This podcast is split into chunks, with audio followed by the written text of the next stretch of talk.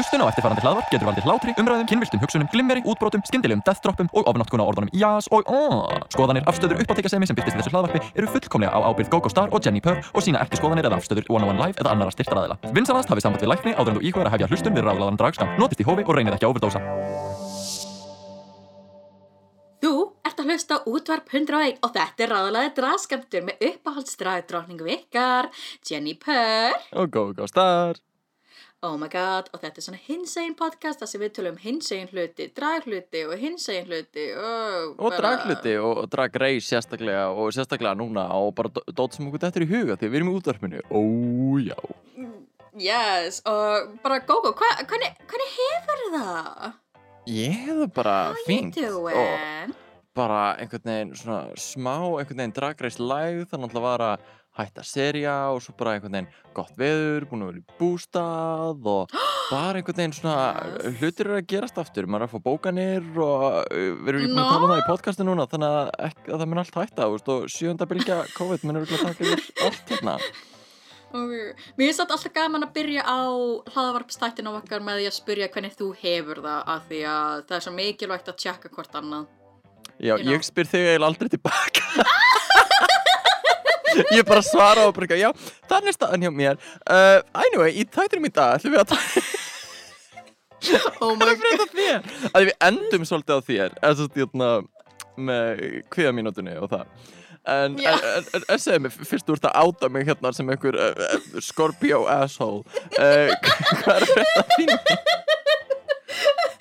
Það er satt svo fyndið, þú veist, ég veit að, að þú og kærastuðin er, að unnustuðin eru ekki stóri aðdáendur af stjórnumerkjum, en mér finnst satt svo fyndið hvað þú ert svotan sportreggi og ég er algjör krabbi. Og það að stjörnur segja að, þú veist, Cancer og Scorpio séu um, compatible, mér finnst það bara, erum gaman. alveg að uh, virka saman en, uh, en já, ég er uh, algjör rassaus og, og þú ert rosalega viðkvæm. Ég er bara mjög um, viðkom emotional En Og Bjarni er hefur mjög bara típist stengið, hann náttúrulega trú ekki á að Já, það er mjög típist stengið Það er mjög típist En já, ég, ég er bara fín sko Ég er bara eina þú, þú manst hvernig það er að byrja nýri vinnu Right? Ég, uh, já, ég er að byrja nýri vinnu sálur, þannig að ég te tengi.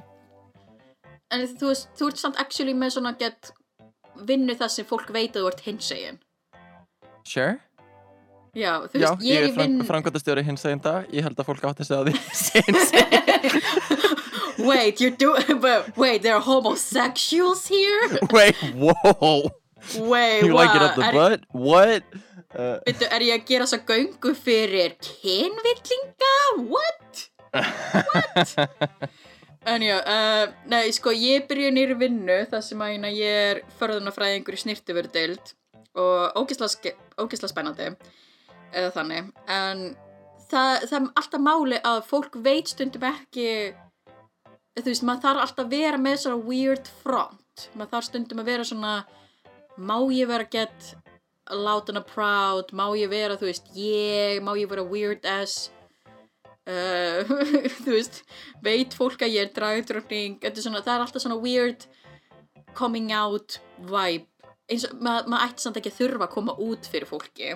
Já, eða, veist, ég tengi ekki alveg við það. Eða, veist, jú, kannski Mm. í einu starfi sem ég var í þá sem var svona sk- uh, eina skrifstofustarfi einhvern veginn sem ég hef verið í sem var mjög ekki ég. En þá var þetta svona, ó, ok þú veist, maður fer stundum í einhvern veginn svona að uppfylla væntingar annara sem er svolítið bara að, Mm. veist, og líka, þú veist, ég veit ekkert að, veist, ég bara einhvern veginn gerir mér í veist, hvernig þau vilja sjá mig og byrja að set, setja mig einhvern veginn þann front. Og ég Já. ég kefti mér nokkur föt sem voru minna svona, þú veist, æbandi hins Já. þú veist, ok, þetta þurfa að vera svona skrifstofubólarnir mínir og eitthvað sem eru bara svona mjög basic og alveg svona nokkra mánuði inni að vera bara, af hverju er ég að gera þetta uh, og alltaf þegar ég Mm. svona sletti út einhverju sem var svona ég sjálfur að þá fannst þetta Já. frábært, þannig ég bara, hvað, hvað er ég að gera? Af hverju er ég að gera þetta? Þetta er bara svona, Nákvæmlega. ég held að þetta sé svona lúmsk uh, svona sjálfshattur er kannski svolítið mikið en bara svona, þú veist uh, internalized homophobia in a way að Ég, svona ég held ég held að það sé líka bara að feðraveldið er bara rótgróið í okkur, þú veist, þetta er svona við, eh, við upplifum með okkar heim og svo upplifum ákveðna væntingar sem, þú veist, ráðandi aflið hefur á okkur, það sem, þú veist, the cis heteronormative standardin Ég held að það sé líka svona ákveðin kvíðahugsun að þetta, veist, að vilja ekki valda neinum öðrum óþægindum. Þetta er bara eitthvað, guð, ég vil ekki að ég sé eitthvað ábyrrandi hins einn og, og svo finnst einhverjum það óþægilegt og, og við komandum bara, þetta er bara, bara eðalega daginn fyrir einhverjum og, og, og við komandum fara heim og hætta með, hætta með kærustunni og, og enda á ekki- ég get ekki gert þessum aðlega þetta. Þetta, er, þetta, var hræðilega illa gert að mér og ég verið hræðilega manneskja. Þannig að Ég- ég held að það sé svona... sem, sem er svo fyndið að því bara at the end of the day kynneig þín og kynvitund þín hefur engin hefur engin áhrif á aðra.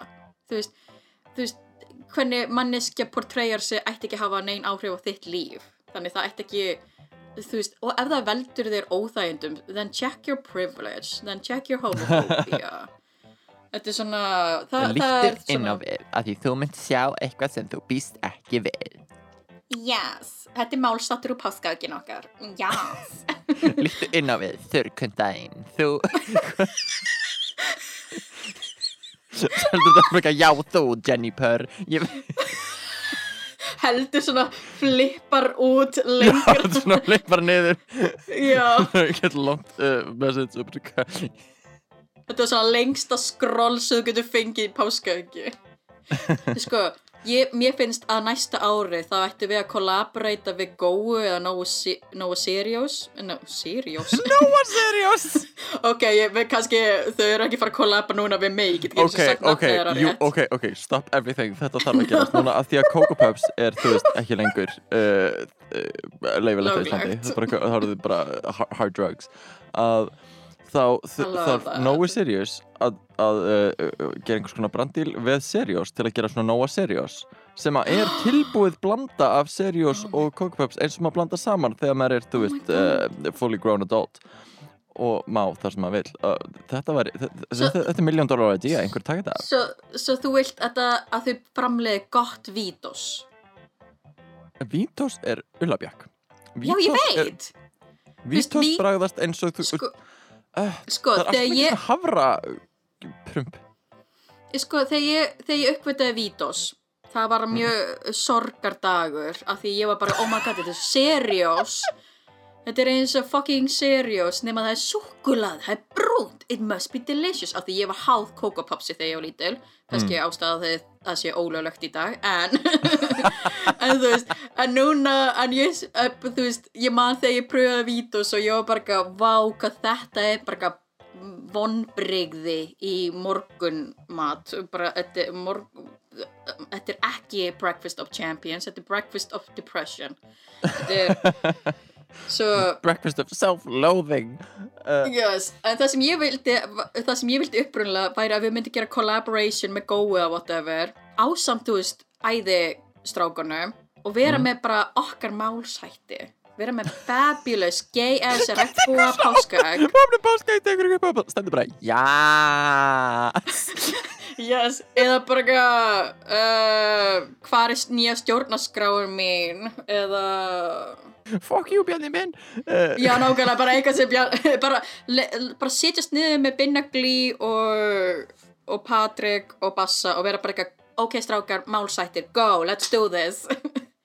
Það held þetta að það væri ógisla fyndið, en já anyway, en við höfum spennandi þátt í dag fyrir er utan það? Já, við, Já, við fyrir erum að taka til Hérna fyrir utan að hata vítos og annað þá þá munum við líka spjalla um uh, alvarlega hluti.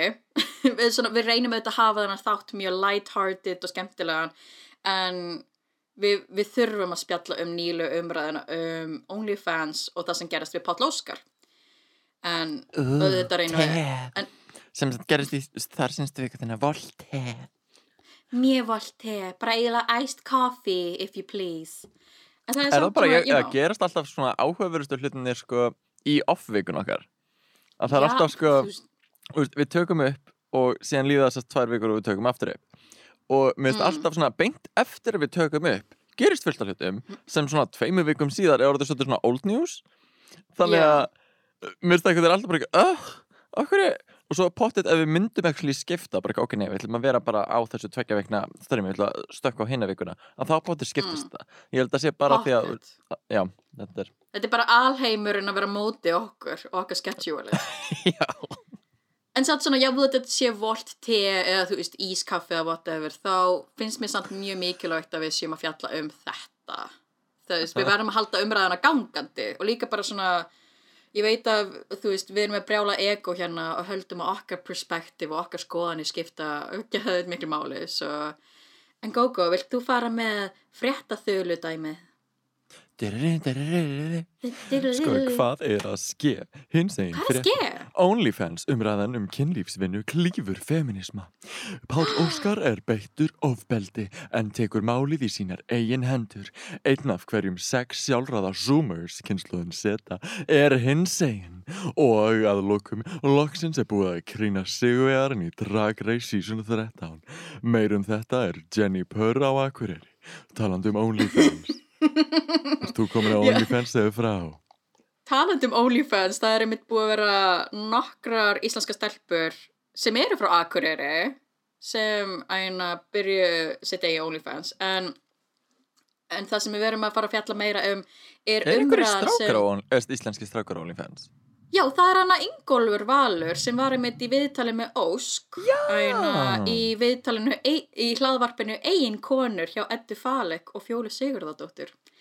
En hann er einmitt rosa mikið að kollaborata. Hann er ekki soloartisti Hann er rosa mikið að vinna með hinu stelpunum. Mm. eins og uh, Klöru og Ósk og einhverja aðrar ég er ekki á OnlyFans og ég veit rosa takmarkað um hverjir eru. En allavega þessi þrýr Íslandingar voru í viðtali hjá Eddu Falek og Fjólu í hlaðvarpinu eiginkonur þar sem þau spjöllu um vinnuna sína á OnlyFans. En fyrir þá sem vita ekki þá selja þau áskriftir af erotísku og kynferðislega myndefni. Svo það spratt upp þessi umræða sem var eiginlega bara gaggríni um að þessi ungmennu væru kærulaus og mála einhvers konar glansmynda kynlýsvinnunni að það sé bara easy money.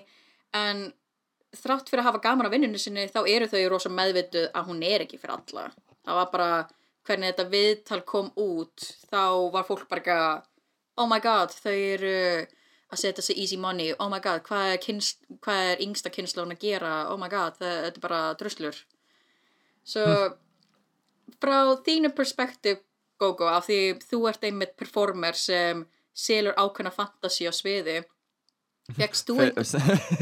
Því þú ert performer sem að þú veist uh, ferðu fötunum og svona. Hérna.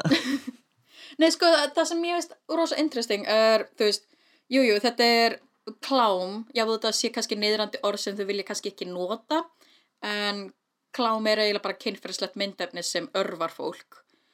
Og en þú veist fólk hefur talað um að burlesk, boilesk, drag sem er þú veist mjög svona sem dansar að jæðrinum daðrar að jæðrinum eins og Brynhildur Tja. myndi segja. En að sé svona á gráu svæði fyrir sex work. Af því fegst, þú einhverja gaggrínu þegar þú talaður um að þetta væri það sem þú væri að gera þetta væri fulltime jobbið þitt? Já, já, uh, þú veist Þetta er meira sko hmm, veist, Þetta er náttúrulega bara ákveðin svona samfélagslegu staðall sem að er svolítið verið að brjóta niður og veist, eins og með börlesk, bóilesk og jáfnvel það sem það er verið að gera á uh, OnlyFans, veist, það er verið að selja fantasíuna mm. Það er það vita allir hvað er í gangi hérna og þú veist, Já. við erum svolítið bara að leika okkur að líkamannum og þú veist, fagna okkur sjálfum og ef við, þú veist, ef við getum grætt pening á því, go for it Mm. er mín skoðan allavega Já, og ég man alveg, veist, það hefur verið veist, bæði með veist, þetta að gera sexwork að vera, ofinberlega uh, BDSM-neður eða hvað, þú getur verið svolítið svona, ó, ok, og veist, þú ert aldrei að fara að vinna á leikskóla núna, það má ekki veist, og alls konar Já. svona, þú veist, ég er að vinna í félagsmiðstöð og enginn Já. hefur komið með þennan punktu upp að bara eitthvað, að þú strippar á sviði, þú veist, þú ættir alls ekki að, veist, ég er ekkert að gera það Algjörlega. Já, nákvæmlega. Algjörlega, það er, ég er mitt búin að vera að skoða nokkur viðtöl við þessa þessa starfsmenn OnlyFans starfsmenn, þessar svona sex workers. Þetta er að hljóma eins og office job. En, Nei sko, þe- þetta er samt svona ándjóks, maður auðvitað vill ekki segja bara þessar klámstjörnir vera gett með svona gildislæðin hugtök, en maður er bara svona þú veist, ég stið þeirra val og bara þegar fólk er bara eitthvað, oh my god ertu að stiðja bara uh, klám og ég er bara eitthvað, sko ég vil freka að sé ethical klám heldur Já, en þú veist hel- heldur það það er annað að vera, þú veist, subscribed af veist, Pornhub eða eitthvað, þar sem þú ert bara óbeint Mhm. að styðja mannsal Já, uh, og veist, þetta er, veist, bara klám er ekki að fara neitt. Það, Nei.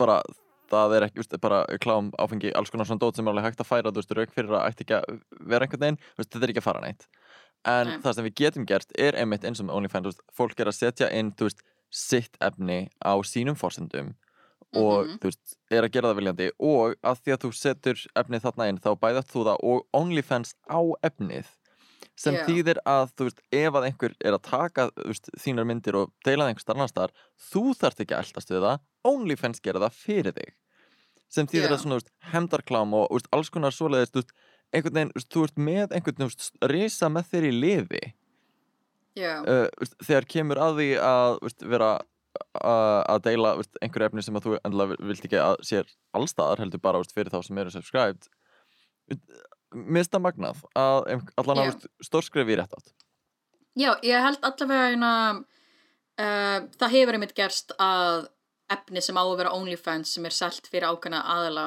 hefur dreifst.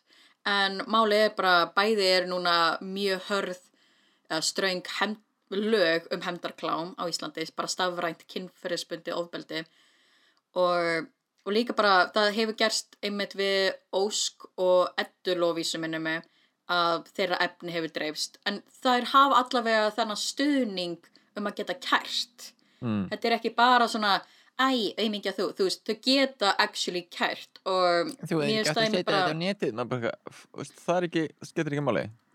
Algjörlega, þetta er bara svona þetta er vinna eða, þú veist, svo lengi sem þau eru að gera þetta að fullum vilja þá er það bara awesome bara þetta er alveg legit vinna og fólk, fólk talar um að uh, vændi sé elsta stafsgrein þetta er svona, en samt svona þú veist, mér langar ekki að nota orðið vændi af því það er einmitt mjög, þú veist, neikvætt að mínum að það er eiginlega bara svona borderline mansal, en það ætti samt ekki að vera svona neikvætt. Já, Líka, veist, þau- þau eru orðið ekki- veist, hvern, veist, hvernig samengið hefur verið er svolítið veist, að Já. vændi kemur af neyð.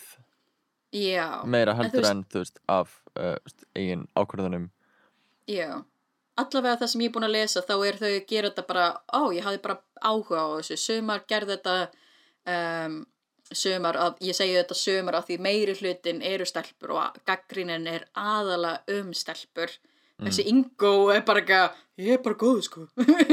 Er hann veist, Já. hann, hann, hann skilgrinni sem sem straight hann er samt svona hann er ekki að gera neitt með gaurum. Hann er samt svona, hann sagði viðtali að hann bara er ekki alveg viss en eins og er þá er hann straight Okay. Menna kannski þarf þú bara að hitta á hann nei bara ég er að tjóka, ég er að tjóka, tjóka, tjók, tjók en, en málið er að hérna þú veist, stelpur hafa aðalega fengið þessa gaggrínu og Vá, ég bara glemdi hvað pointið mitt var.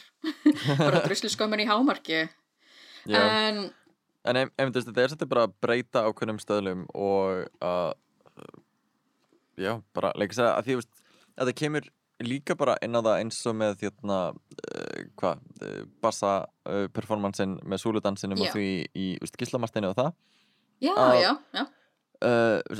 það gerist líka innan, innan þessar tímarama sem við erum að tala um Ég, þetta var meira hátt að helgi, sko, það sem þessi umræða Mhm. bara, psh, En veist, voru- það kemur líka niður einhvern veginn, veist, bara að þú veist, það er verið að promóta, í súludans og hérna, einhverja, stripp dæmi.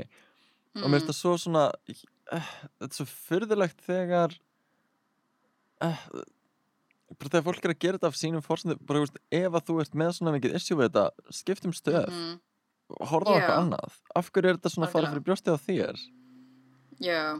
Bara svona, hvað, hv- þú veist, ertu með issue að hvern menn er að gera þetta með sinn eigin líkama, ertu með issue að þú veist að kallin sé að horfa á þetta og er bara ekki vá hvað það eru heitar. Þetta er svona hvað, hvað er issue? Er þetta internalized misogyny? Viltu að hvern menn séu íhaldsamar og eru bara í turtlenecks eins og ég? Eða þú veist svona. Þetta er um, þetta er bara e- þetta er rosa bara spurningu um þú veist e, þú veist, máli er bara ég vil freka þetta sé allt á yfirborðinu þannig að þau geta fengið sér hjálp. Bara rétt eins og ef ég er áreitt í vinninu ef ég verð áreitt í drægi eða verð fyrir einhvers konar ofbeldi í drægi eða burleski þá ætti ég að vera tekið jafn alvarlega með mitt ofbeldi og einhver sem er á OnlyFans eða you know, er, að, er í einhvers konar er í einhver annari kynlífsvinnu bara Mm. þeirra ofbeldi ætti ekki vera minni háttar Já, Ég meina, þú veist, þetta er ekki jobb sem ég gæti gert, bara ég gæti ekki verið hjúgrunafræðingur eða leigubílstjóri og ég gæti ekki unnið við kynlífsvinnu. Það er bara svo mikið, bara fólk, þetta, þetta höfðar ekki til alla, en það ætti ekki að skipta máli. Bara þau eiga ja, mikla verðingu skilu og aðrir. Já, tótt Það- og minnst líka, þú veist, minnst það svo fyrðulega rauk að þetta, veist, skerði þín uh, bara svona tækifæri til framtíðar að því þú myndi alltaf vera með stimpilinn að hafa verið OnlyFans, að, að einhvern veginn hafa dreift nektarmyndum að þér á netinu og eitthvað En- Mhm. að heiti, bara tímar er að breytast og minnst það ætti ekki að ætti ekki að vera svona neikvægt eins og fólk talar um það Já, meina, hvað eru þá að segja um fórnalöfum hemdarkláms? Ef það er bara ekki að netið mun aldrei gleyma, þú veist, þá eru eiginlega bara Aha. að minna þessi fórnalöfum á, bara oh shit, eða bara svona, við erum eiginlega þá bara einmitt að tryggjara að þú verður ekki neitt annað heldur en þetta kynferðislega mynd af þér. Þetta er svona, þú ert ennþá mannvera, þú veist. Þetta er bara, þú ættir ekki að dehumanisa mannesku út frá vinnunni þeirra, hvort sem þau vinna á kassa í bónusi er, þú veist, stjórnmálamaður eða eitthvað. Nema þú ert, you know, að gera skattsvik, þá, þá En á mjög svipuðum nótum uh, Mhm. sest, uh, bara með hendaklám og það allt saman uh, Páll Óskar Yes. stildi uh, myndum á sér á sk- skemmtilega appinu Grindr og viðkomandi tó- tókst, tók það á sig að dreifa þeim myndum og Mhm. uh, Páli komst að því og ok, fuck you og deldi þeim bara sjálfur til þess að þetta svona Já, uh, bara- sína bara, veist, já, veist, ég lít svona þetta er það sem gerðist og þetta er ólöglegt.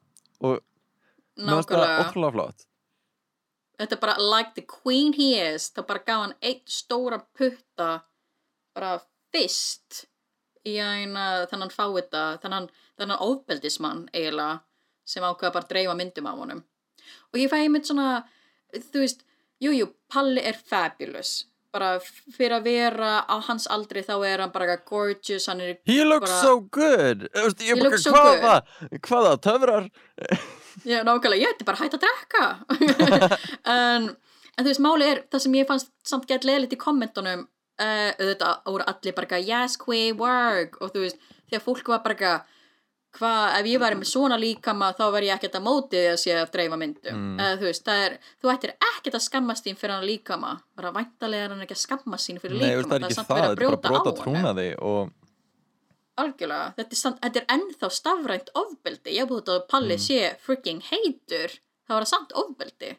Ég mynd, og ég held að þetta, bara þóttu að bara, á, lítur gett vel út, flotta myndir að þetta, þetta, þetta, er að þetta er veist, ég held að hann langaði ekkert að deila þessum myndum út af Nei. við, að, veist, þetta er, þetta er svo ógeðslegt að því það er líka, veist, þetta er mjög nýtt að það sé, actually, uh, Mm. að það sé, veist, formlega ólöglegt og það sé actually hægt að gera eitthvað í sig. Já, Þannig að minnst það magna bara að fólk viti af því og viti að það getur sótt réttar sín sem að veist, tekur tíma og er leiðalegt ferli en þetta er hægt og mm verður betra eftir því sem við gerum það betra. Ég bara vona að viðbröðin verði svo sama ef þetta er, þú veist, switch the tables, þetta er yngri stelpa sem verður fyrir þessu ofbeldi. Þá vil ég að sá einstaklingur fá jafn mikinn stuðning og palli. Þetta er svona, þú veist, það, það er einast, þú veist, ég stif palla, þetta var bara boss ass move hjá honum að gera þetta. Þú veist, auðvitað hefði ég ekki viljað að myndi lenda í þessu, þetta er enga veginn cool. Þessi gæi má rotna í helviti. En einmitt, þú veist, það með þessa aðstöðust, það náttúrulega er ekkert allir í þeirri stöðu að geta bara eitthvað, já, ok, þú veist, þetta lag, þetta eru myndina mínar, ég ætla bara að deila þeim sjálfur þannig að þetta er á mér, yeah. það eru alls ekki allir sem veist, geta það eða vilja Nei. það og Því, hér, þannig eru komin aftur, þú veist, interneti mun aldrei gleyma og hvað með framtíðavinnuna þína, hvað með börnin þín í framtíðinu, maður bara svona, great, bönnum mér í framtíðinu muni sjá að ég fucking heitur, what?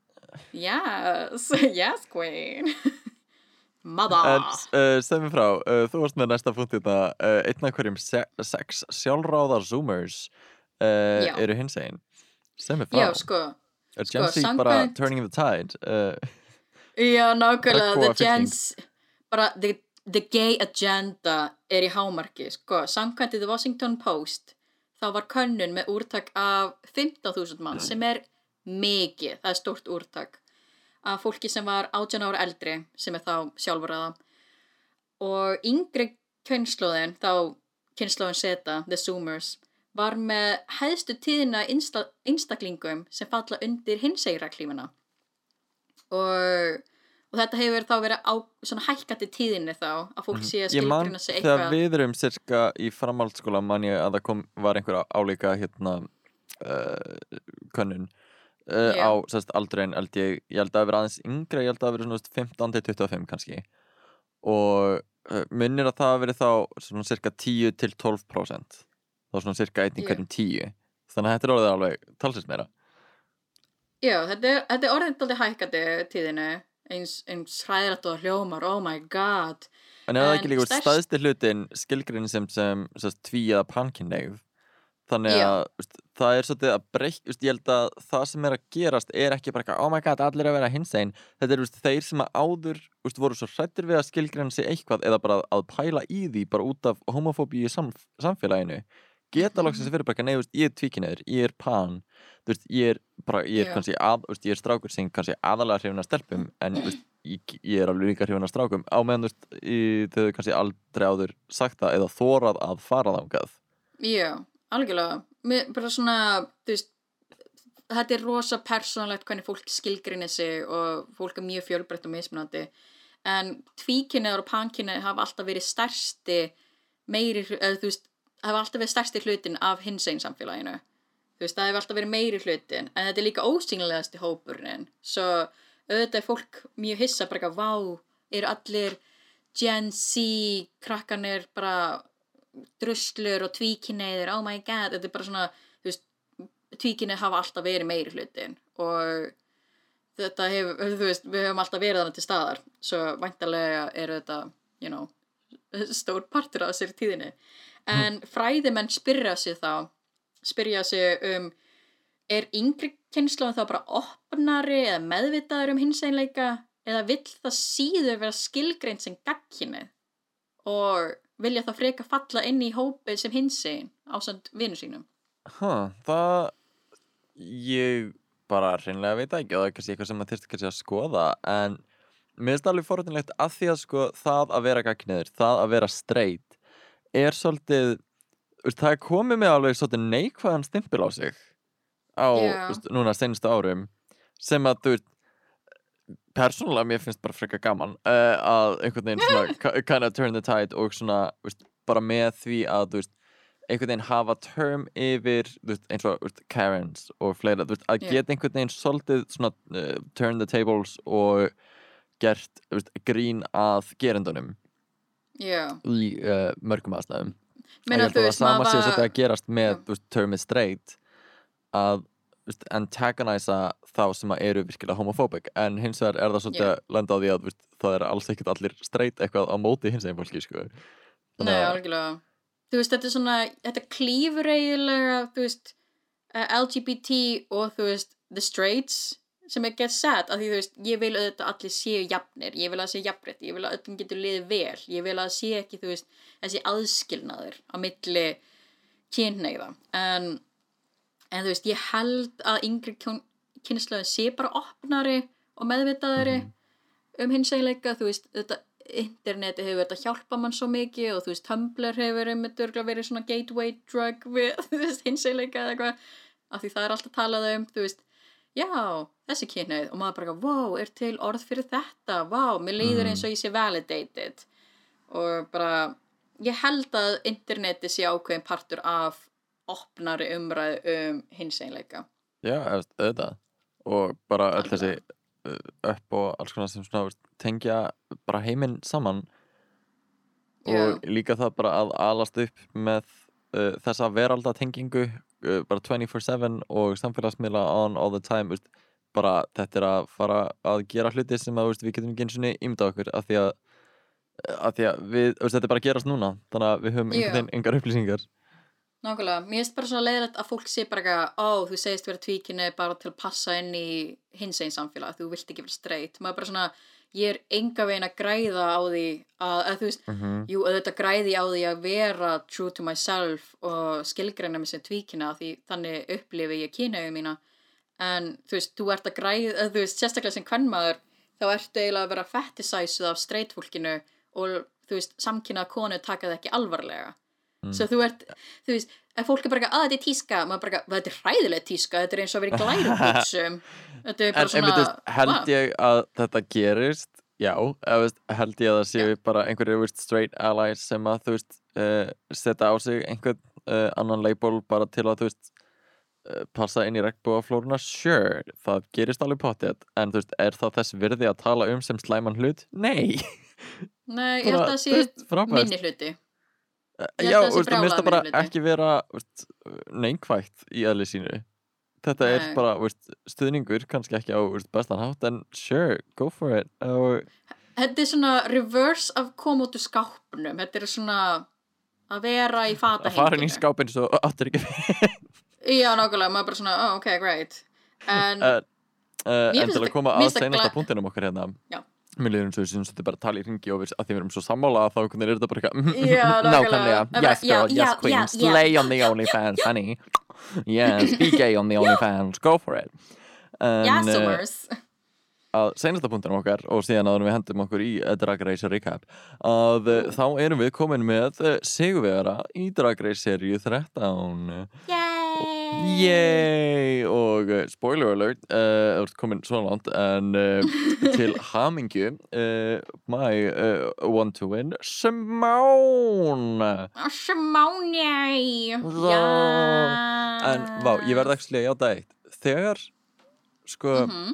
ok, ég er með, með svo margar skoðanir Google með skoðanir, sko En- ertu, með, með skoðun að við ættum bara að fara beint í Drag Race recap?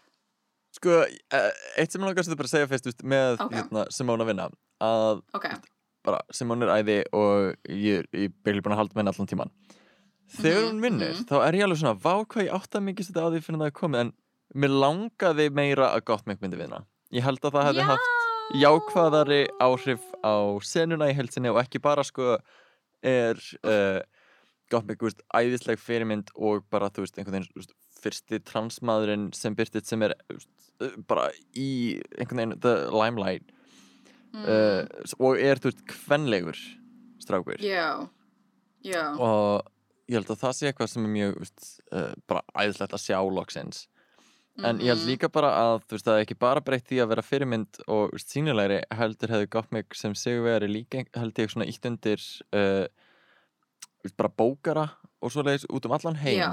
Til þess að vera Mhm. opnari fyrir að taka á móti sko, þú veist, ekki bara cisgender drag race dróningum já, að bara veist, allir hinni flokkarnir veist, hvort sem það eru Yeah. bæjodrottningar, dragkongar uh, veist, trans uh, drottning, uh, og kongar og uh, kynjaverur einhvern veginn bara á öllum skalarum ég held að Bara það er bara svona opnað dyr fyrir Já. marga svo sammála. Þetta er sko, þú veist, ég er ógeðslega ána með Simone, bara hún á þetta svo skilið, en ég er svo hrætt um að bara við vorum með gott mig, við gerðum góða hluti, nú þurfum við aldrei Mm. að pæla í þessu áður. ég, með að við hvað uh, RuPaul virðist genuinely þú veist, dyrka Gottmik með að við, þú veist, viðtölin og hvernig er talað um hann og eitthvað þá held ég að sko ég held að þetta sé veist, raunveruleg uh, kannski bara pínu en ég held að það sé raunveruleg breyting í fari uh, RuPaul gagvart transfólki Ég vona það.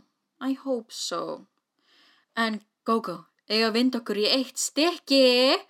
Drag Race Race Rick- Recap.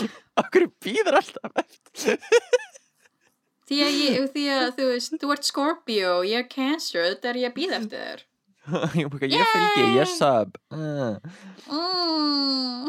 En já, En- uh, við erum að tala um uh, þannig til senustu tvo þætti En Yes. ég held að aðal áherslan er náttúrulega sest, Það var þá sest, reunion og svo finale Yes. Og Yeah. já, það er bara mjög margt að gerast hérna Oh Og God. ég held að við demum okkur svolítið bara út í hluti Og svo kannski ég er að pæla að taka það kannski meira fyrir næst Og þá kannski fá Mhm. okkur gest sem að geti spjallað um það líka Ooh. uh, eins og við svolítið demdum okkur í svona spuna uh, Dóti Drag Race að yeah. fara svolítið út í sko hérna bara svona formatið á Drag Race og mér finnst það svolítið áhugavert að pæla sko hvernig uh, bara hvernig það hefur breyst sérstaklega síðan Já. season 9 uh, þegar þau byrjuðu sérst lip, uh, hérna, Lip Sync for the Crown Já. að þá er þannig sér þú veist svona hvernig kriterja til að vinna er búið að breytast Mm Þannig að mér það rosalega áhugaverð pæling en uh, við getum talað meir um það næst en núna þurfum við svolítið bara að dempa okkur út í uh, season 13 og hvernig hún endar Yeah Yes. En sko, Og- getum við fyrst ok. talað um, getum við talað um hvað það hefur margt gerst síðan serían byrjaði. Þetta er búið að vera serían endalausa veist, ég, ángríns, Mm. ég hefði ekki verið hissa hefði í þessu finali bara, djók, þetta er ekki finali við ætlum að fá inn season 14 drott- drottningarnar þið komið inn og þið eru partur af season 13 uh, Bara þetta var faranlegt Bring on the Australians and the New Zealanders, come on! Þú veist, Það sem er búið að gerast frá því að uh, season 13 byrjaði er uh, Joe Biden tók við sem fórseti bandaríkjana uh, Kim Mhm. Kardashian og Kanye skildu uh, Bólusetning fyrir COVID-19 hófst. Heil Yep. seria af Drag Race UK byrjaði og endaði. Uh, Jojo Siva kom úr skapnum. Uh, Prins Philip Hertogi af Edin- Edinborg og Dó. Sem betur fyrr og Starina, lokaldráðning trúlufaðist og Já. það er bara ótalmart maður bara þetta er búið að vera veist, fjórir mánuðir Já, af Drag Race. Svo, og einni bara seríu. innan við þennan ramma. Einni þetta, þetta er fáránlegt Minna, þetta eru 16 þættir, vanalega eru bara svona 8 eða eitthvað, 8 Mhm. max 10. Þetta er svona, it's been crazy. It's been, time sure og flies, ég honey. stend alveg svolítið á því að þetta var ekstra langt af því að það var búið að semja um að það yrði önnur seri af Celebrity Drag Race sem væri þá þrýra að fjóri þættir sem Já. var ekki hægt að taka upp út á COVID þannig að það er okkur bara að lengja vinnulegu seríuna Já. uh, sem að ég held að make alveg sens Já, ég get alveg fyrirgefið það, líka bara svona gaman að hafa ég get ekki fyrirgefið það, ég bara, ég bara reyna að útskýra þetta. Mér fannst þetta ekki í lagi. Þetta er bara eins og Vítos, bara ég kom, eða kom nei. einmitt, þetta er vító sem maður heldur þetta sé í lagi nei, þetta er bara, þetta eru legar og þetta er vonsveikni Æjú, en Gógó, þú ert með mikla skoðanir um hennar finna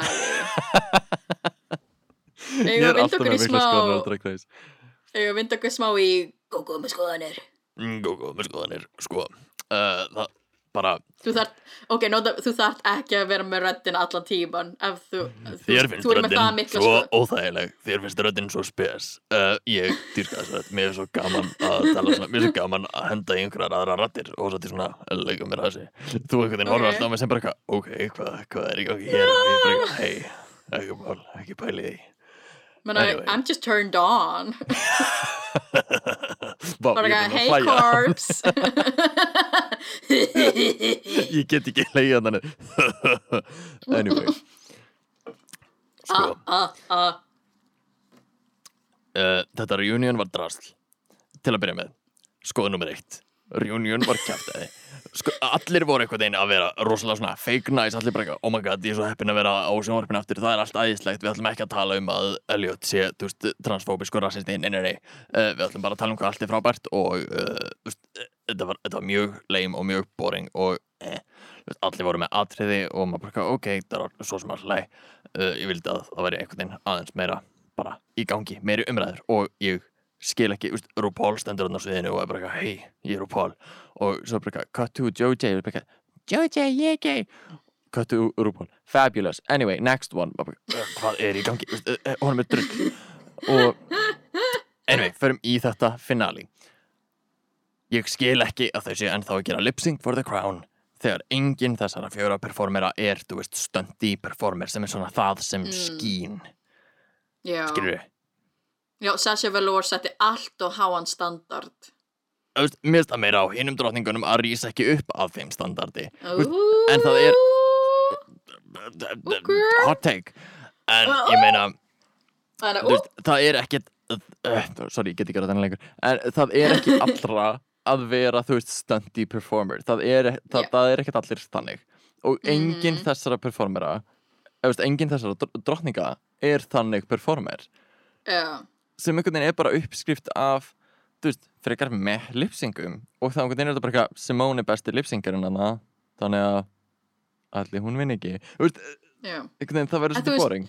Og mér fannst En alveg svona í- eh, Eskan, ég, er að tala. Hérna uh,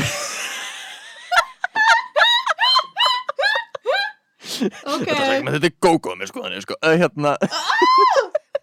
Ok, ok og maður koma að segja þetta smá. Hérna, uh, en Mhm. bara það uh, en mér fannst alveg, þú veist, þeir reynda að koma inn á þetta sest, með því að bara, ok, við ætlum að henda bara öðru bóli, við ætlum bara að henda inn nokkrum kategórium og láta það út og sína lúk, að því, þú veist, það er gaman og, og þær eru mjög góðar í því.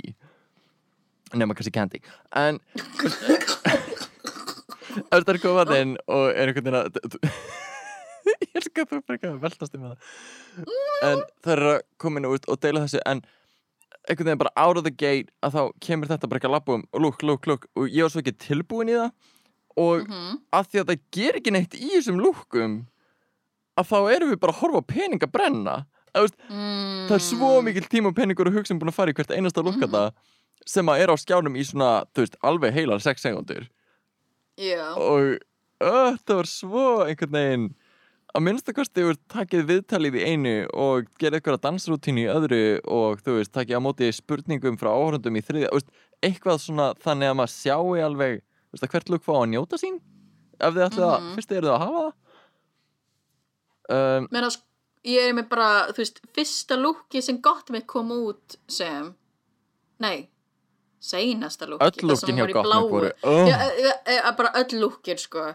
En ég er að tala um hana bláa kjólinn með hana gull uh, rifbeinin og hjarta. ó já, uh, það var gorgeous, fyrsta lúki sem Það gott með var- voru var svona Hellraiser hérna með, Hellraiser hana pinhead lúkið. Já. það var líka klikkað og síðan Keith bara- Haring rauða með Crash the System uh, ég get talað um Goffingly, uh, þetta var svo flott og, og, og mér finnst það líka svo leðilt að því að þetta, þetta lúkdæmi hafði síðan ekkert með ekkert að gera. Það hafði ekkert með Já. þetta spinning wheel eða lipsyngi að gera þannig að veist, það þýðir ekki neitt.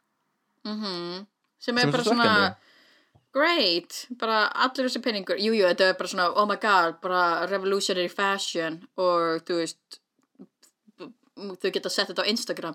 En þú veist, núna er standardið svo hára þú getur ekki bara mætta en að bara performa í þessum kjól Þetta er svona, það þarf að vera með eitthvað, þú veist, crazy atriði, right?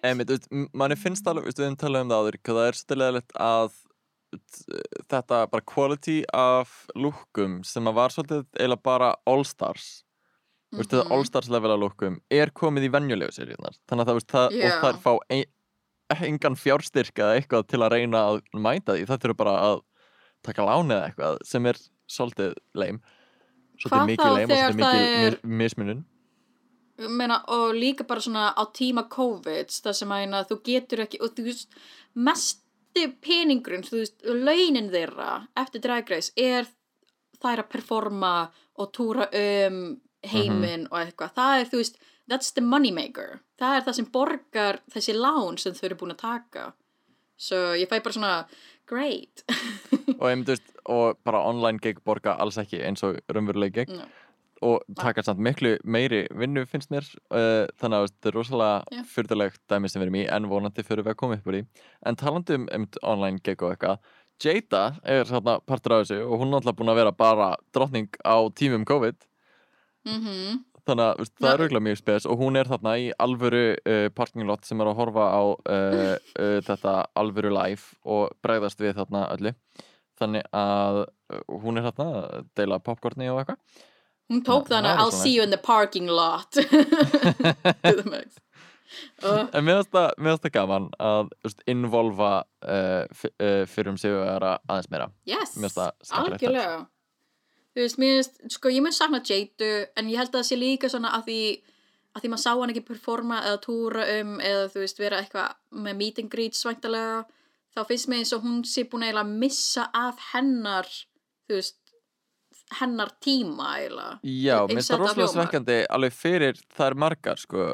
Honestly, svo sem ég hef tekið mest eftir er auðvitað Crystal Method. Já, sko fyrir mér er það Gigi af því hún er búin að vera módela fyrir allt sko. Já, satt. En ég finnst samt sem aður að uh, ég er svona sérstaklega að horfa á Jada og uh, Gigi að, einmitt, veist, ég er rosalega hrættur um að það lendir svolítið í einhvern veginn svona a forgotten season momenti af því að Yeah. bæði var serían edituð þannig að uh, hún var mjög förðuleg út af Sherry Pie yeah. og svo einhvern veginn veist, gerist það á COVID og það ná ekkert að túra þannig að það er ekki að hitta hann marga í persónu og veist, ég held að Mhm. gæti alveg svona pínu uh, horfið En veistu hvað er satt jákvægt að eina jákvæði punkturinn sem ég sé að gott mix sé ekki sigurvegaran Hún kemur í All Stars Hún gefur í All Stars Oh my god, getur þú ímyndaði Gottmik og Gigi í sama All Stars uh, Sko, ég var eiginlega að sjá fyrir mér ég, ég var eiginlega alveg svona, ok, ég held að Gottmik sé að fara að, að horfa á þetta, ég, bara, ok, ég, held að, ég vona að Gottmik sé að fara að vinna, eða, ég he- held það einhvern veginn, þótt svo, uh, ég var Mhm. einhvern veginn fyrstlega að halda með ok, ég held að Gottmik sé að fara að taka þetta einhvern veginn. Yeah. og uh, svo mun Simone koma í All Stars með Gigi að þær eru drag svona sisters og þær munu lenda í botninum saman og þurfa að lipsinga Rujubi stæl Yes. Uh, yeah. Þú veist, ég er bara, ok, ég er að sjá þetta fyrir mig, svo bara, nei, ok, uh, eða ekki. Já, nákvæmlega, en mér fannst sko það sem mér fannst gett leilt með finalíin var, þú veist, Rosé var slösu eða þú veist, hún var Ok, getum við talað um það í smástund? Hérna, Ok, bullshit. Sko, góð góð með skoðanir Ó, uh, ó, ó, Þú ert ekki að fara með þetta bara eitthvað, ah, ég, hérna, uh, I twisted my ankle og bara, þú veist, og uh, það var svo mikill uppgjafar tónn í því, fannst mér, sem ekki bara Mm. já, að ég kom hérna og ég bara slö, hérna, twista á mér uh, uh, aklan og ég bara eitthvað, kann ekki að lappa í hælum lengur og get ekki gert neitt, þannig ég er bara búinn að tapa, I guess. Nú bara, ok, hver er þú að væla um þetta þegar fucking Tamisha Iman er að gera backflips með colostomy bag? Ah, yep, Get your yep, shit together, yep. Rose! Ég held, var það ekki Shangela sem performaði með, þú veist, brotin fót eða eitthvað hún braut á sér fótinn á einhverju cruise ship uh, like jumping into the split Þú veist, það var Sest, einhver þannig að sem beinið kom upp úr uh, En já, það, þú veist, þetta er svona, jújú, jú, þú veist, þú ætti auðvitað að hugsa um þig og þína heilsu fyrst og fremst, Já, já. en ég fæ samt svona, þú veist, að ég veit ekki, ég, held, ég hefði haldið að adrenalínu hefði kikkað aðeins meira inn.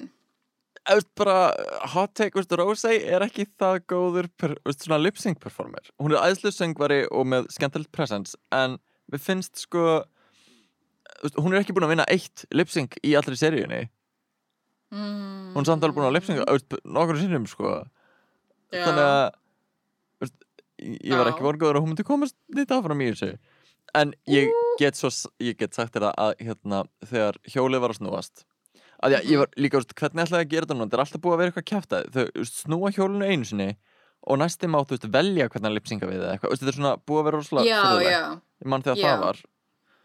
Og en að Silky Ganache og Brooklyn. já, það var líka þegar hérna uh, Trinity, veist, Trinity valdi að lipsinga móti Peppermint. Ah, í ó, season já. 9 þegar það var gert fiskit sem var bara yeah. snúið í aftur, hvað er það að tala um? Þannig að núna var ég snúið tvisvar. og það sem ég skil ekki er að sko, what, var þetta alvöru random af því að þú veist, þetta lendir svo næstum því á Simone, sest, fyrst lendir á Candy og svo lendir það svona rétt svo á Rosé og ég öskra það reyði Sko, mér fannst að þetta var vera Simone, eitthvað út af sko. einhverju hjóli að þá er gott mikk að fara að lenda í þriðasæti frekar en já, Ugh. mér finnst bara svona, þú veist, þú veist, ég veit, við viljum ekki vera, þú veist, Candy Muse hate channel hérna, en ég fekk bara svona, vá hvað þú sjálf ekki það gera hérna, neitt. ég, Það er bara, vá hvað þú færð að vera í öðru sæti með einn sigur undir belti. Eða Mm. þú veist svona, ég fæ bara svona, ok, great, bara af því eitthvað hjól sn snýri sér og, og Rósei snýri sér í öglana, whatever, þá ert þú bara núna í öðru sæti.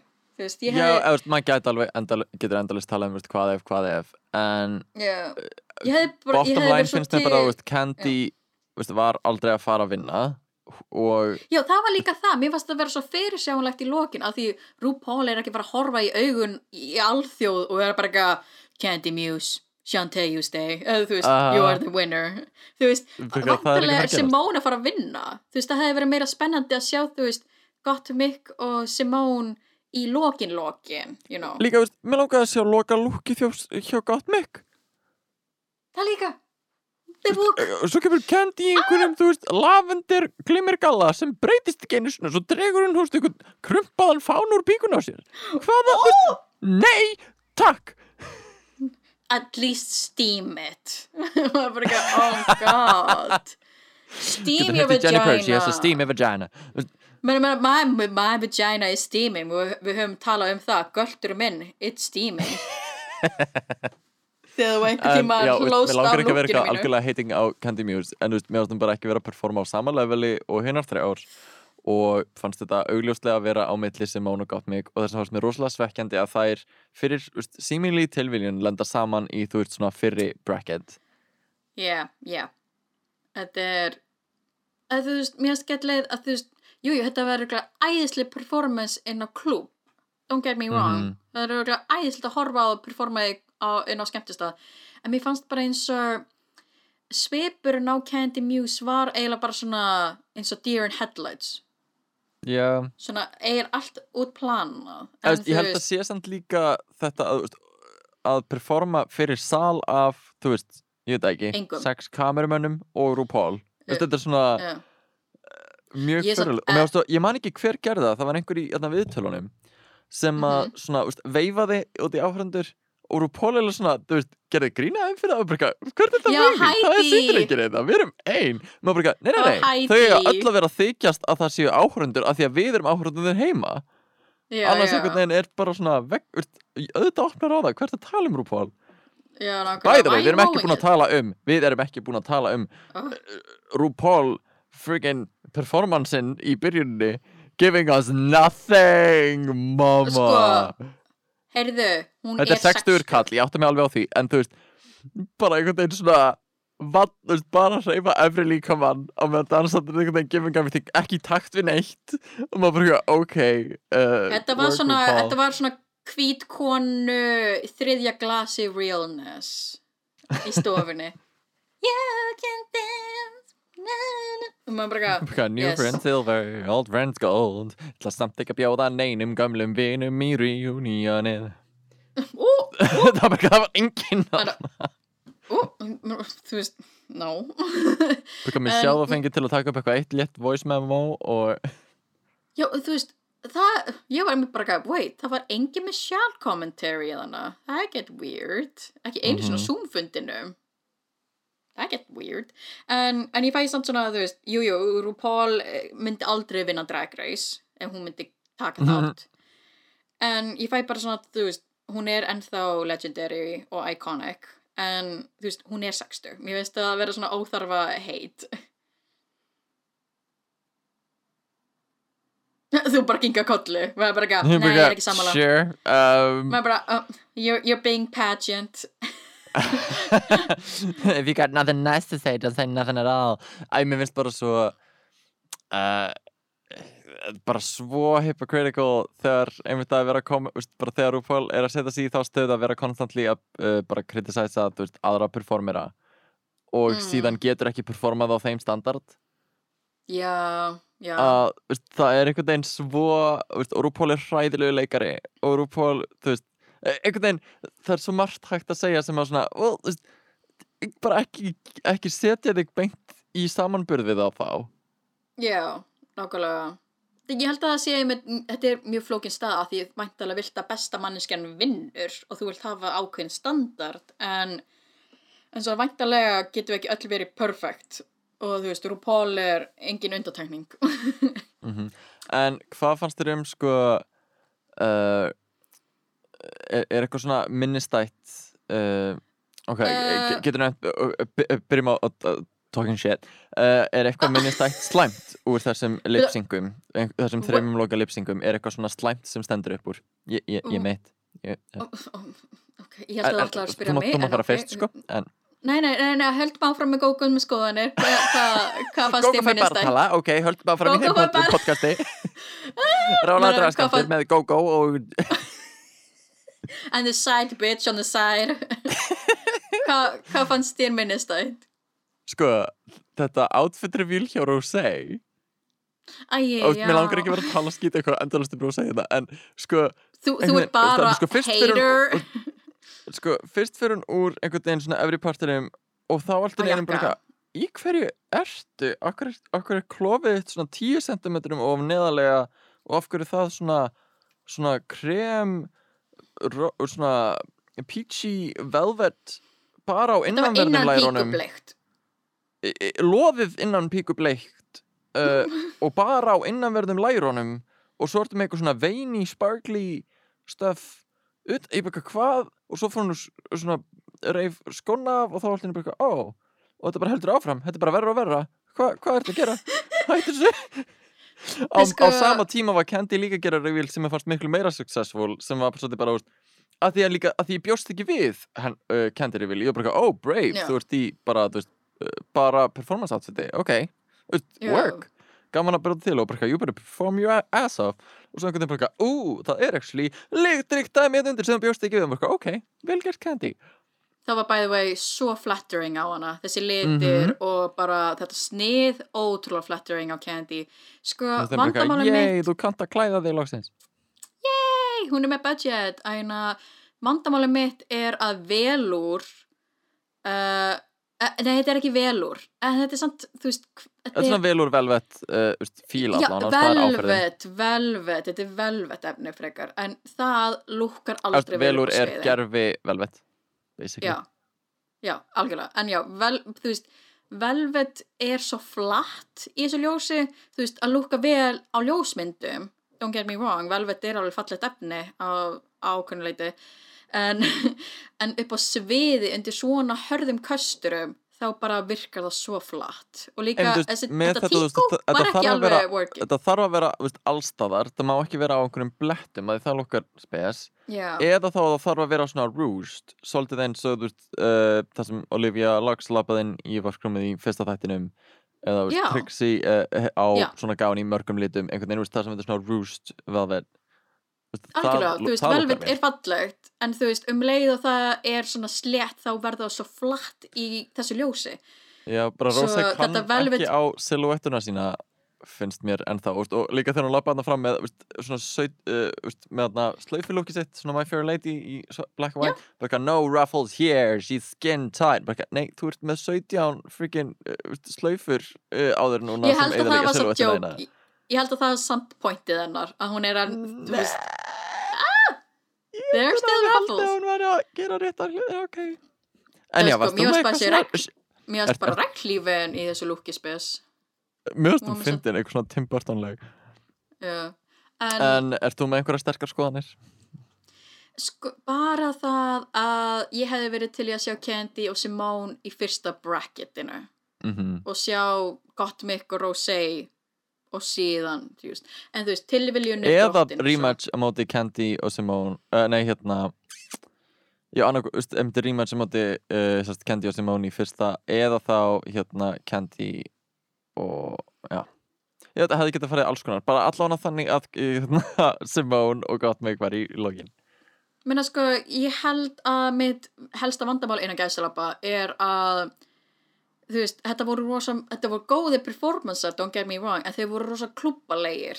Mér varst ekki rosa mikið upp á sviði, eða þú veist, Mhm. fitting, og mér varst líka svona, þú veist, ég elska Simone, en mér fannst þessi reveal vera samt svona, hvað er samt pointi, eða þú veist, fyrsta Mhm. revealum, það sem er í gull, svona, nei, ekki gull fyrsta lukki, hérna á, hvað heitir hann aftur í Guffagrín hérna Oh my god, já, um, Guy, þú veist, ég, ég skil hvað það meinar. Já, á mjög það einhvern veginn og síðan út í uh, svona meira dance outfit mjög, veist, mjög mjög skemmtilegt. Þú veist, fyrsta lúkið var geðveikt, maður bara svona allt í einu eru með hana kassa hár, hárkolluna sína og svo tekur það af og er, þú veist, ekki lengur svona hvítu fjólubláu lúki. Og þú veist, og er, þú veist, fallegu beige litum, ég var bara, ok, yes, give me more bitch, en þannig að en að setna lúki verður bara you got linguini popping out of your Linguini hair hair, what? bara þú veist, að uh, make a sense að þetta hefði verið, þú veist, meira en fjórir strimlar Þú Já, það- þetta var líka bara það eitthvað, what kind of go-go gadget, like, mér finnst þetta voða cool, svo kemur allt í einu bara svona helicopter að linguini og ég var bara svona, þú veist, það hefði verið cool að þetta hefði verið ennþá í gangi, þetta var svona og myndi fljúa í burtu eins, eins, eins og go-go gadget, sko já, ég, ég Inspector ekki við Gadget. þessu, ég get það það. Nei, maður bara svona Og veist, á ok, sama tíma er Candy að draga út einhvern krumpaðan fána sem ég ennþá, ég, hvaða fáni var þetta? uh, ég held að var annarkort, þetta var ekki Puerto Rico en ég held að það var Er Dominic Dominican Republic. Republic? ég held það, af því hún er ein afro-latino Mm. En hún er líka Svo sko svo, hann var bara eitthvað svo krumpaður og hún hjælt honum aldrei uppi þannig að maður sæki fánan en það var alltaf svona, að veit ég, mér finnst það bara svolítið einhvern veginn misafnað á sama tíma og Simone var, hún bara, hún bara skín, Simone skín. Simone Og- Skín og líka bara þú veist miða við andliti, andlits lipsyngi þá er þetta Simone bara out of it uh, Mér finnst það líka eitt við sko lipsyngin uh, sem ég langar að segja, bara svona almennt við lipsync performance. Mér finnst Já. skemmtilegra, almennt, það er alveg undirtekningar, en mér finnst skemmtilegra þegar fólk lipsynkar og það er að, þú veist, þykjast syngja. Eða, það er ekki að láta eins og það sé raunverulega að syngja, bara ekki að sjáðu mig, Mhm. ég er söngkonan, veist, ég er að syngja þetta live, veist, að láta þannig, heldur meira, veist, að gera munnhreyfingar sem að make ekki, sense og vera, vá, hvað þetta er förðulegt, það er ekki krakkar, Mm, svo stemming er það sem Simone gerir og Já. var öðruvís heldur en henni þrýr og persónulega finnst mér það bara almennt virka betur. Af því þú ert að þykja syngja. betur Mér finnst það virka betur að hérna uh, með ákveðin lög þegar þetta er, þú veist, ógisla fyndilag eða þegar þetta get svona, þú ert, að, þú ert Britney Spears, ekki eins og Mhm. Einmitt, þú veist, Britney með þú Spears veist, Heartful live Ballads eða eitthvað, þá getur alveg tekið Latrice á þetta og verið bara, þú veist, nei, nei, ég Já. er söngvarinn, ég er, uh, þú veist, þetta er að það koma frá hjartanu. það er einmitt bara svona, já, einmitt, er þetta komið frá hjartanu, er þetta upp á jóki, er þetta theatrics, þetta er svona, það er, bara Britney Spears virkar ekki, þú veist, eitthvað straight from the heart, it's, it's supposed Já. to be straight from the pussy, þetta er svona pussy power, Britney Spears, straight from the pussy. straight from the pussy honey, er bara eins og Kennedy Davenport að hérna, feel the, feel the soul right in your puss, eitthvað, down in your puss, feel the soul down in your puss. Nei, var ekki, uh, feel your puss down deep in your soul, var það ekki línan? Já, oh my god, var það línan? Ég, þú veist, Feel your veist, down deep in your soul. Deep in your soul. Let your body lose control. Hey, kitty girl. Get a girl. En já, iconic. En þú veist, það er það ég sem er ég fæ ennþá með að hlusta á. Lucky. Mér finnst það bara, já. mér finnst það bara Eh, mjög næs. Veistu núna hvað Rósa er að segja í sínu parti? Uh, ég veit það núna, en ég, veist, ba- ég veit það, en ég heyri en þá ekki, ég veit það, every single thing about the bitch is right, the font is tight, like, ég veit ekki, svona, það smá partur sem er Mm. eitthvað, blablabla, Mayhem, Q Mayhem Miller, þú veit, hvað, það, hei, ha, Nú veistu hvernig mér líður þegar ég er ekki að uh, ná fólki, þegar ég er ekki að geta heyrt þau almennilega. Að því stundum líður mig þannig, hvernig þið búið að ganga að hlusta á Candy Muse, hvað, uh, þú, sko, nefnum bara, hún er fín, svona, thank god for subtitles, en, en samt svona, þú veist, þetta er bara svona, þú veist, búið þetta manneski sé að tala skýrt við andlita á mig, þá stundum meðtek ég ekki hvað fólk er að segja, en, en ég nota alltaf texta, þú veist, ég er bara þessi típa, bara mér er stæðilegt að hafa texta, mér er það bara svona, mér er aðgengilegt fyrir mig að skilja, uh, you know, að geta heyrt betur, mhm, en já, en já, þú ert búin að hafa mikla skoðanir, já, You're, you are caffeinated, opinionated, bit, uh, caffeinated, opinionated ass. En- En hvað, hvað langaði svona að því nú, nú þurfa að fá closure fyrir þennan þátt. Þetta er búið að vera Drag Race recap, Drag Race season 13 for 13 years. Þarna, sko, nú er náttúrulega bara uh, Drag Race Down Under, hinum við hodnið, oh, God. og uh, ég hreinlega veit ekki hvort ég ætla að horfa það á með jafnöðum og það kemur út það Mhm. bara veist, mér langar, veist, ég er ekki að tala um að, veist, margra mánaða pása, en mér bara langar að, bara fylgjast ekki live með Drag Race í svona, nokkrar vikur. Ég væri til í að myndi fókus á okkar drag, eh, Já, mig langar svolítið-. Einmitt, mér langar svolítið aftur að, hérna, fara, fara til Íslands og Yes. uh, tala um, Fyrir til Íslands. Lokal hugmyndir og highlighta fleiri lokal artista af því að mér líður eins og þetta er svona það sem við byrjum podcastin á. Já, og fórum sen bara að því að svo bara byrjaði þessi brjálaða bylgja af uh, veistu, COVID og uh, Drag Race og Drag Race og Drag Race. Yes. þannig að Meina, ég held að það sé með, meina, þú veist, af því einmitt COVID er aðeins, you know, um, under control, þetta er ekki alvarlegt, við getum actually hitt fólk. Þannig ég er alveg til í að fá aftur svona sérfræðinga eins og það var ógeðslega gaman að fá gumma, við höfum fengið, við höfum fengið Lola Van Hart, við höfum fengið Uh, Charnay Agatha P, við höfum Gala. Um, við höfum fengið Hans við höfum Mhm. fengið við höfum fengið æðislega. Og þú veist það, það auðvitað lofavísu kjólskeran okkar. Uh, það er svo æðislegt með kjólskeran. Sker Klæðskera. kjólana uh, nei, Er- nei hún er líka kjólskeri. En hún er líka klæðskeri. Þú getur verið bæði. kjólskeri? Kjólskeri lætur að hljóma eins og hún show us up in your like rooms and cut your freaking dresses up. Like I mean þú I would wear it. Ef hún kæmi bara svona shiny svona og bara þetta hljóma eins og Michael Jackson hí frekar. En eða þetta er svona, hún myndi bara, you know, cut my shit up. I would wear it, work, yes. Oh, work it mama. En já, þú veist, það er mitt svo gaman við drag að það er ekki bara, þú veist, performer. Það er svo margt sem fer í það.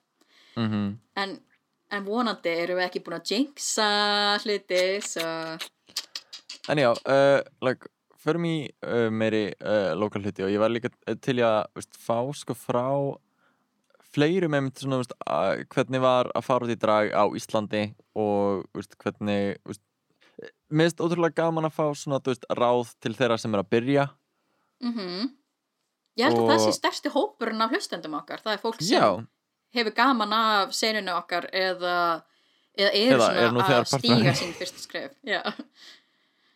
Nákvæmlega. Þannig að, einmitt, uh, búistu meira svoleiðis kontenti og bara vondið sem búið að vera gaman að hlusta á okkur ranta hérna um Drag Race. Og ef þið viljið hlusta á mig ranta mér um Drag Race á bara heyrið í mér. Bara, við skulum hafa OnlyFans síðu það sem GóGó er bara með skoðanir. mm, og einmitt, talandi um bókanir og eitthvað að hérna, hvað hva, hva er að ske? Að að sest, ég og Starina erum sest, að fara að vera með svona Eurovision streymi uh, í Oh, sem er sérst hjá Motus eða hárvarum.is yes. að það verður með svona lítið Eurovision streymi sem við ætlum að sjá um og það verður sunnudaginn 16. mæ þannig að sérst bara rétt fyrir uh, fyrir aðalkeppnina Eftir, uh, og já, ég held að verði bara ég held að verði bara mjög gaman Yes. Oh my god, 16. mæ. 16. mæ 16. mæ, Eurovision streymi í bóði Motus, a.k.a. horfurur.is. já, og er- frýtt og verður líklega bara á Facebook þannig að fylgist með Oh my God. Yes, I love that. Ég elska þegar þú og Starin eru að gera eitthvað saman. mm, Þið eru báða trúlofaðar, svo það er bara fitting. Þið getið talað um brúðkaup og svona stelpulega hluti. báða með starri nefni og Oh my god, uh, þið, eru bá, þið eru nánast systur, svo pretty much sisters. Mhm Nefnum hún er bara aðeins ég held minni bara á því að þá bara jæjum við þetta og uh, segjum það gott í dag. Uh, Alright. alltaf gaman að koma inn og spjalla og við heyrumst þá aftur eftir cirka tvær vikur og mögulega með gest og sjáum hvað sker. Oh my god. Ég verið Góko Star Og ég er Jenny Purr. Og þetta verið rálaður draskamtur. Uh, takk fyrir að hlusta og heyrum ykkur eftir tvær vikur. Ok, ok, bye. Ok, bye. Oh my god, ég gleymdi ekki að ranta um hérna að, já, mm,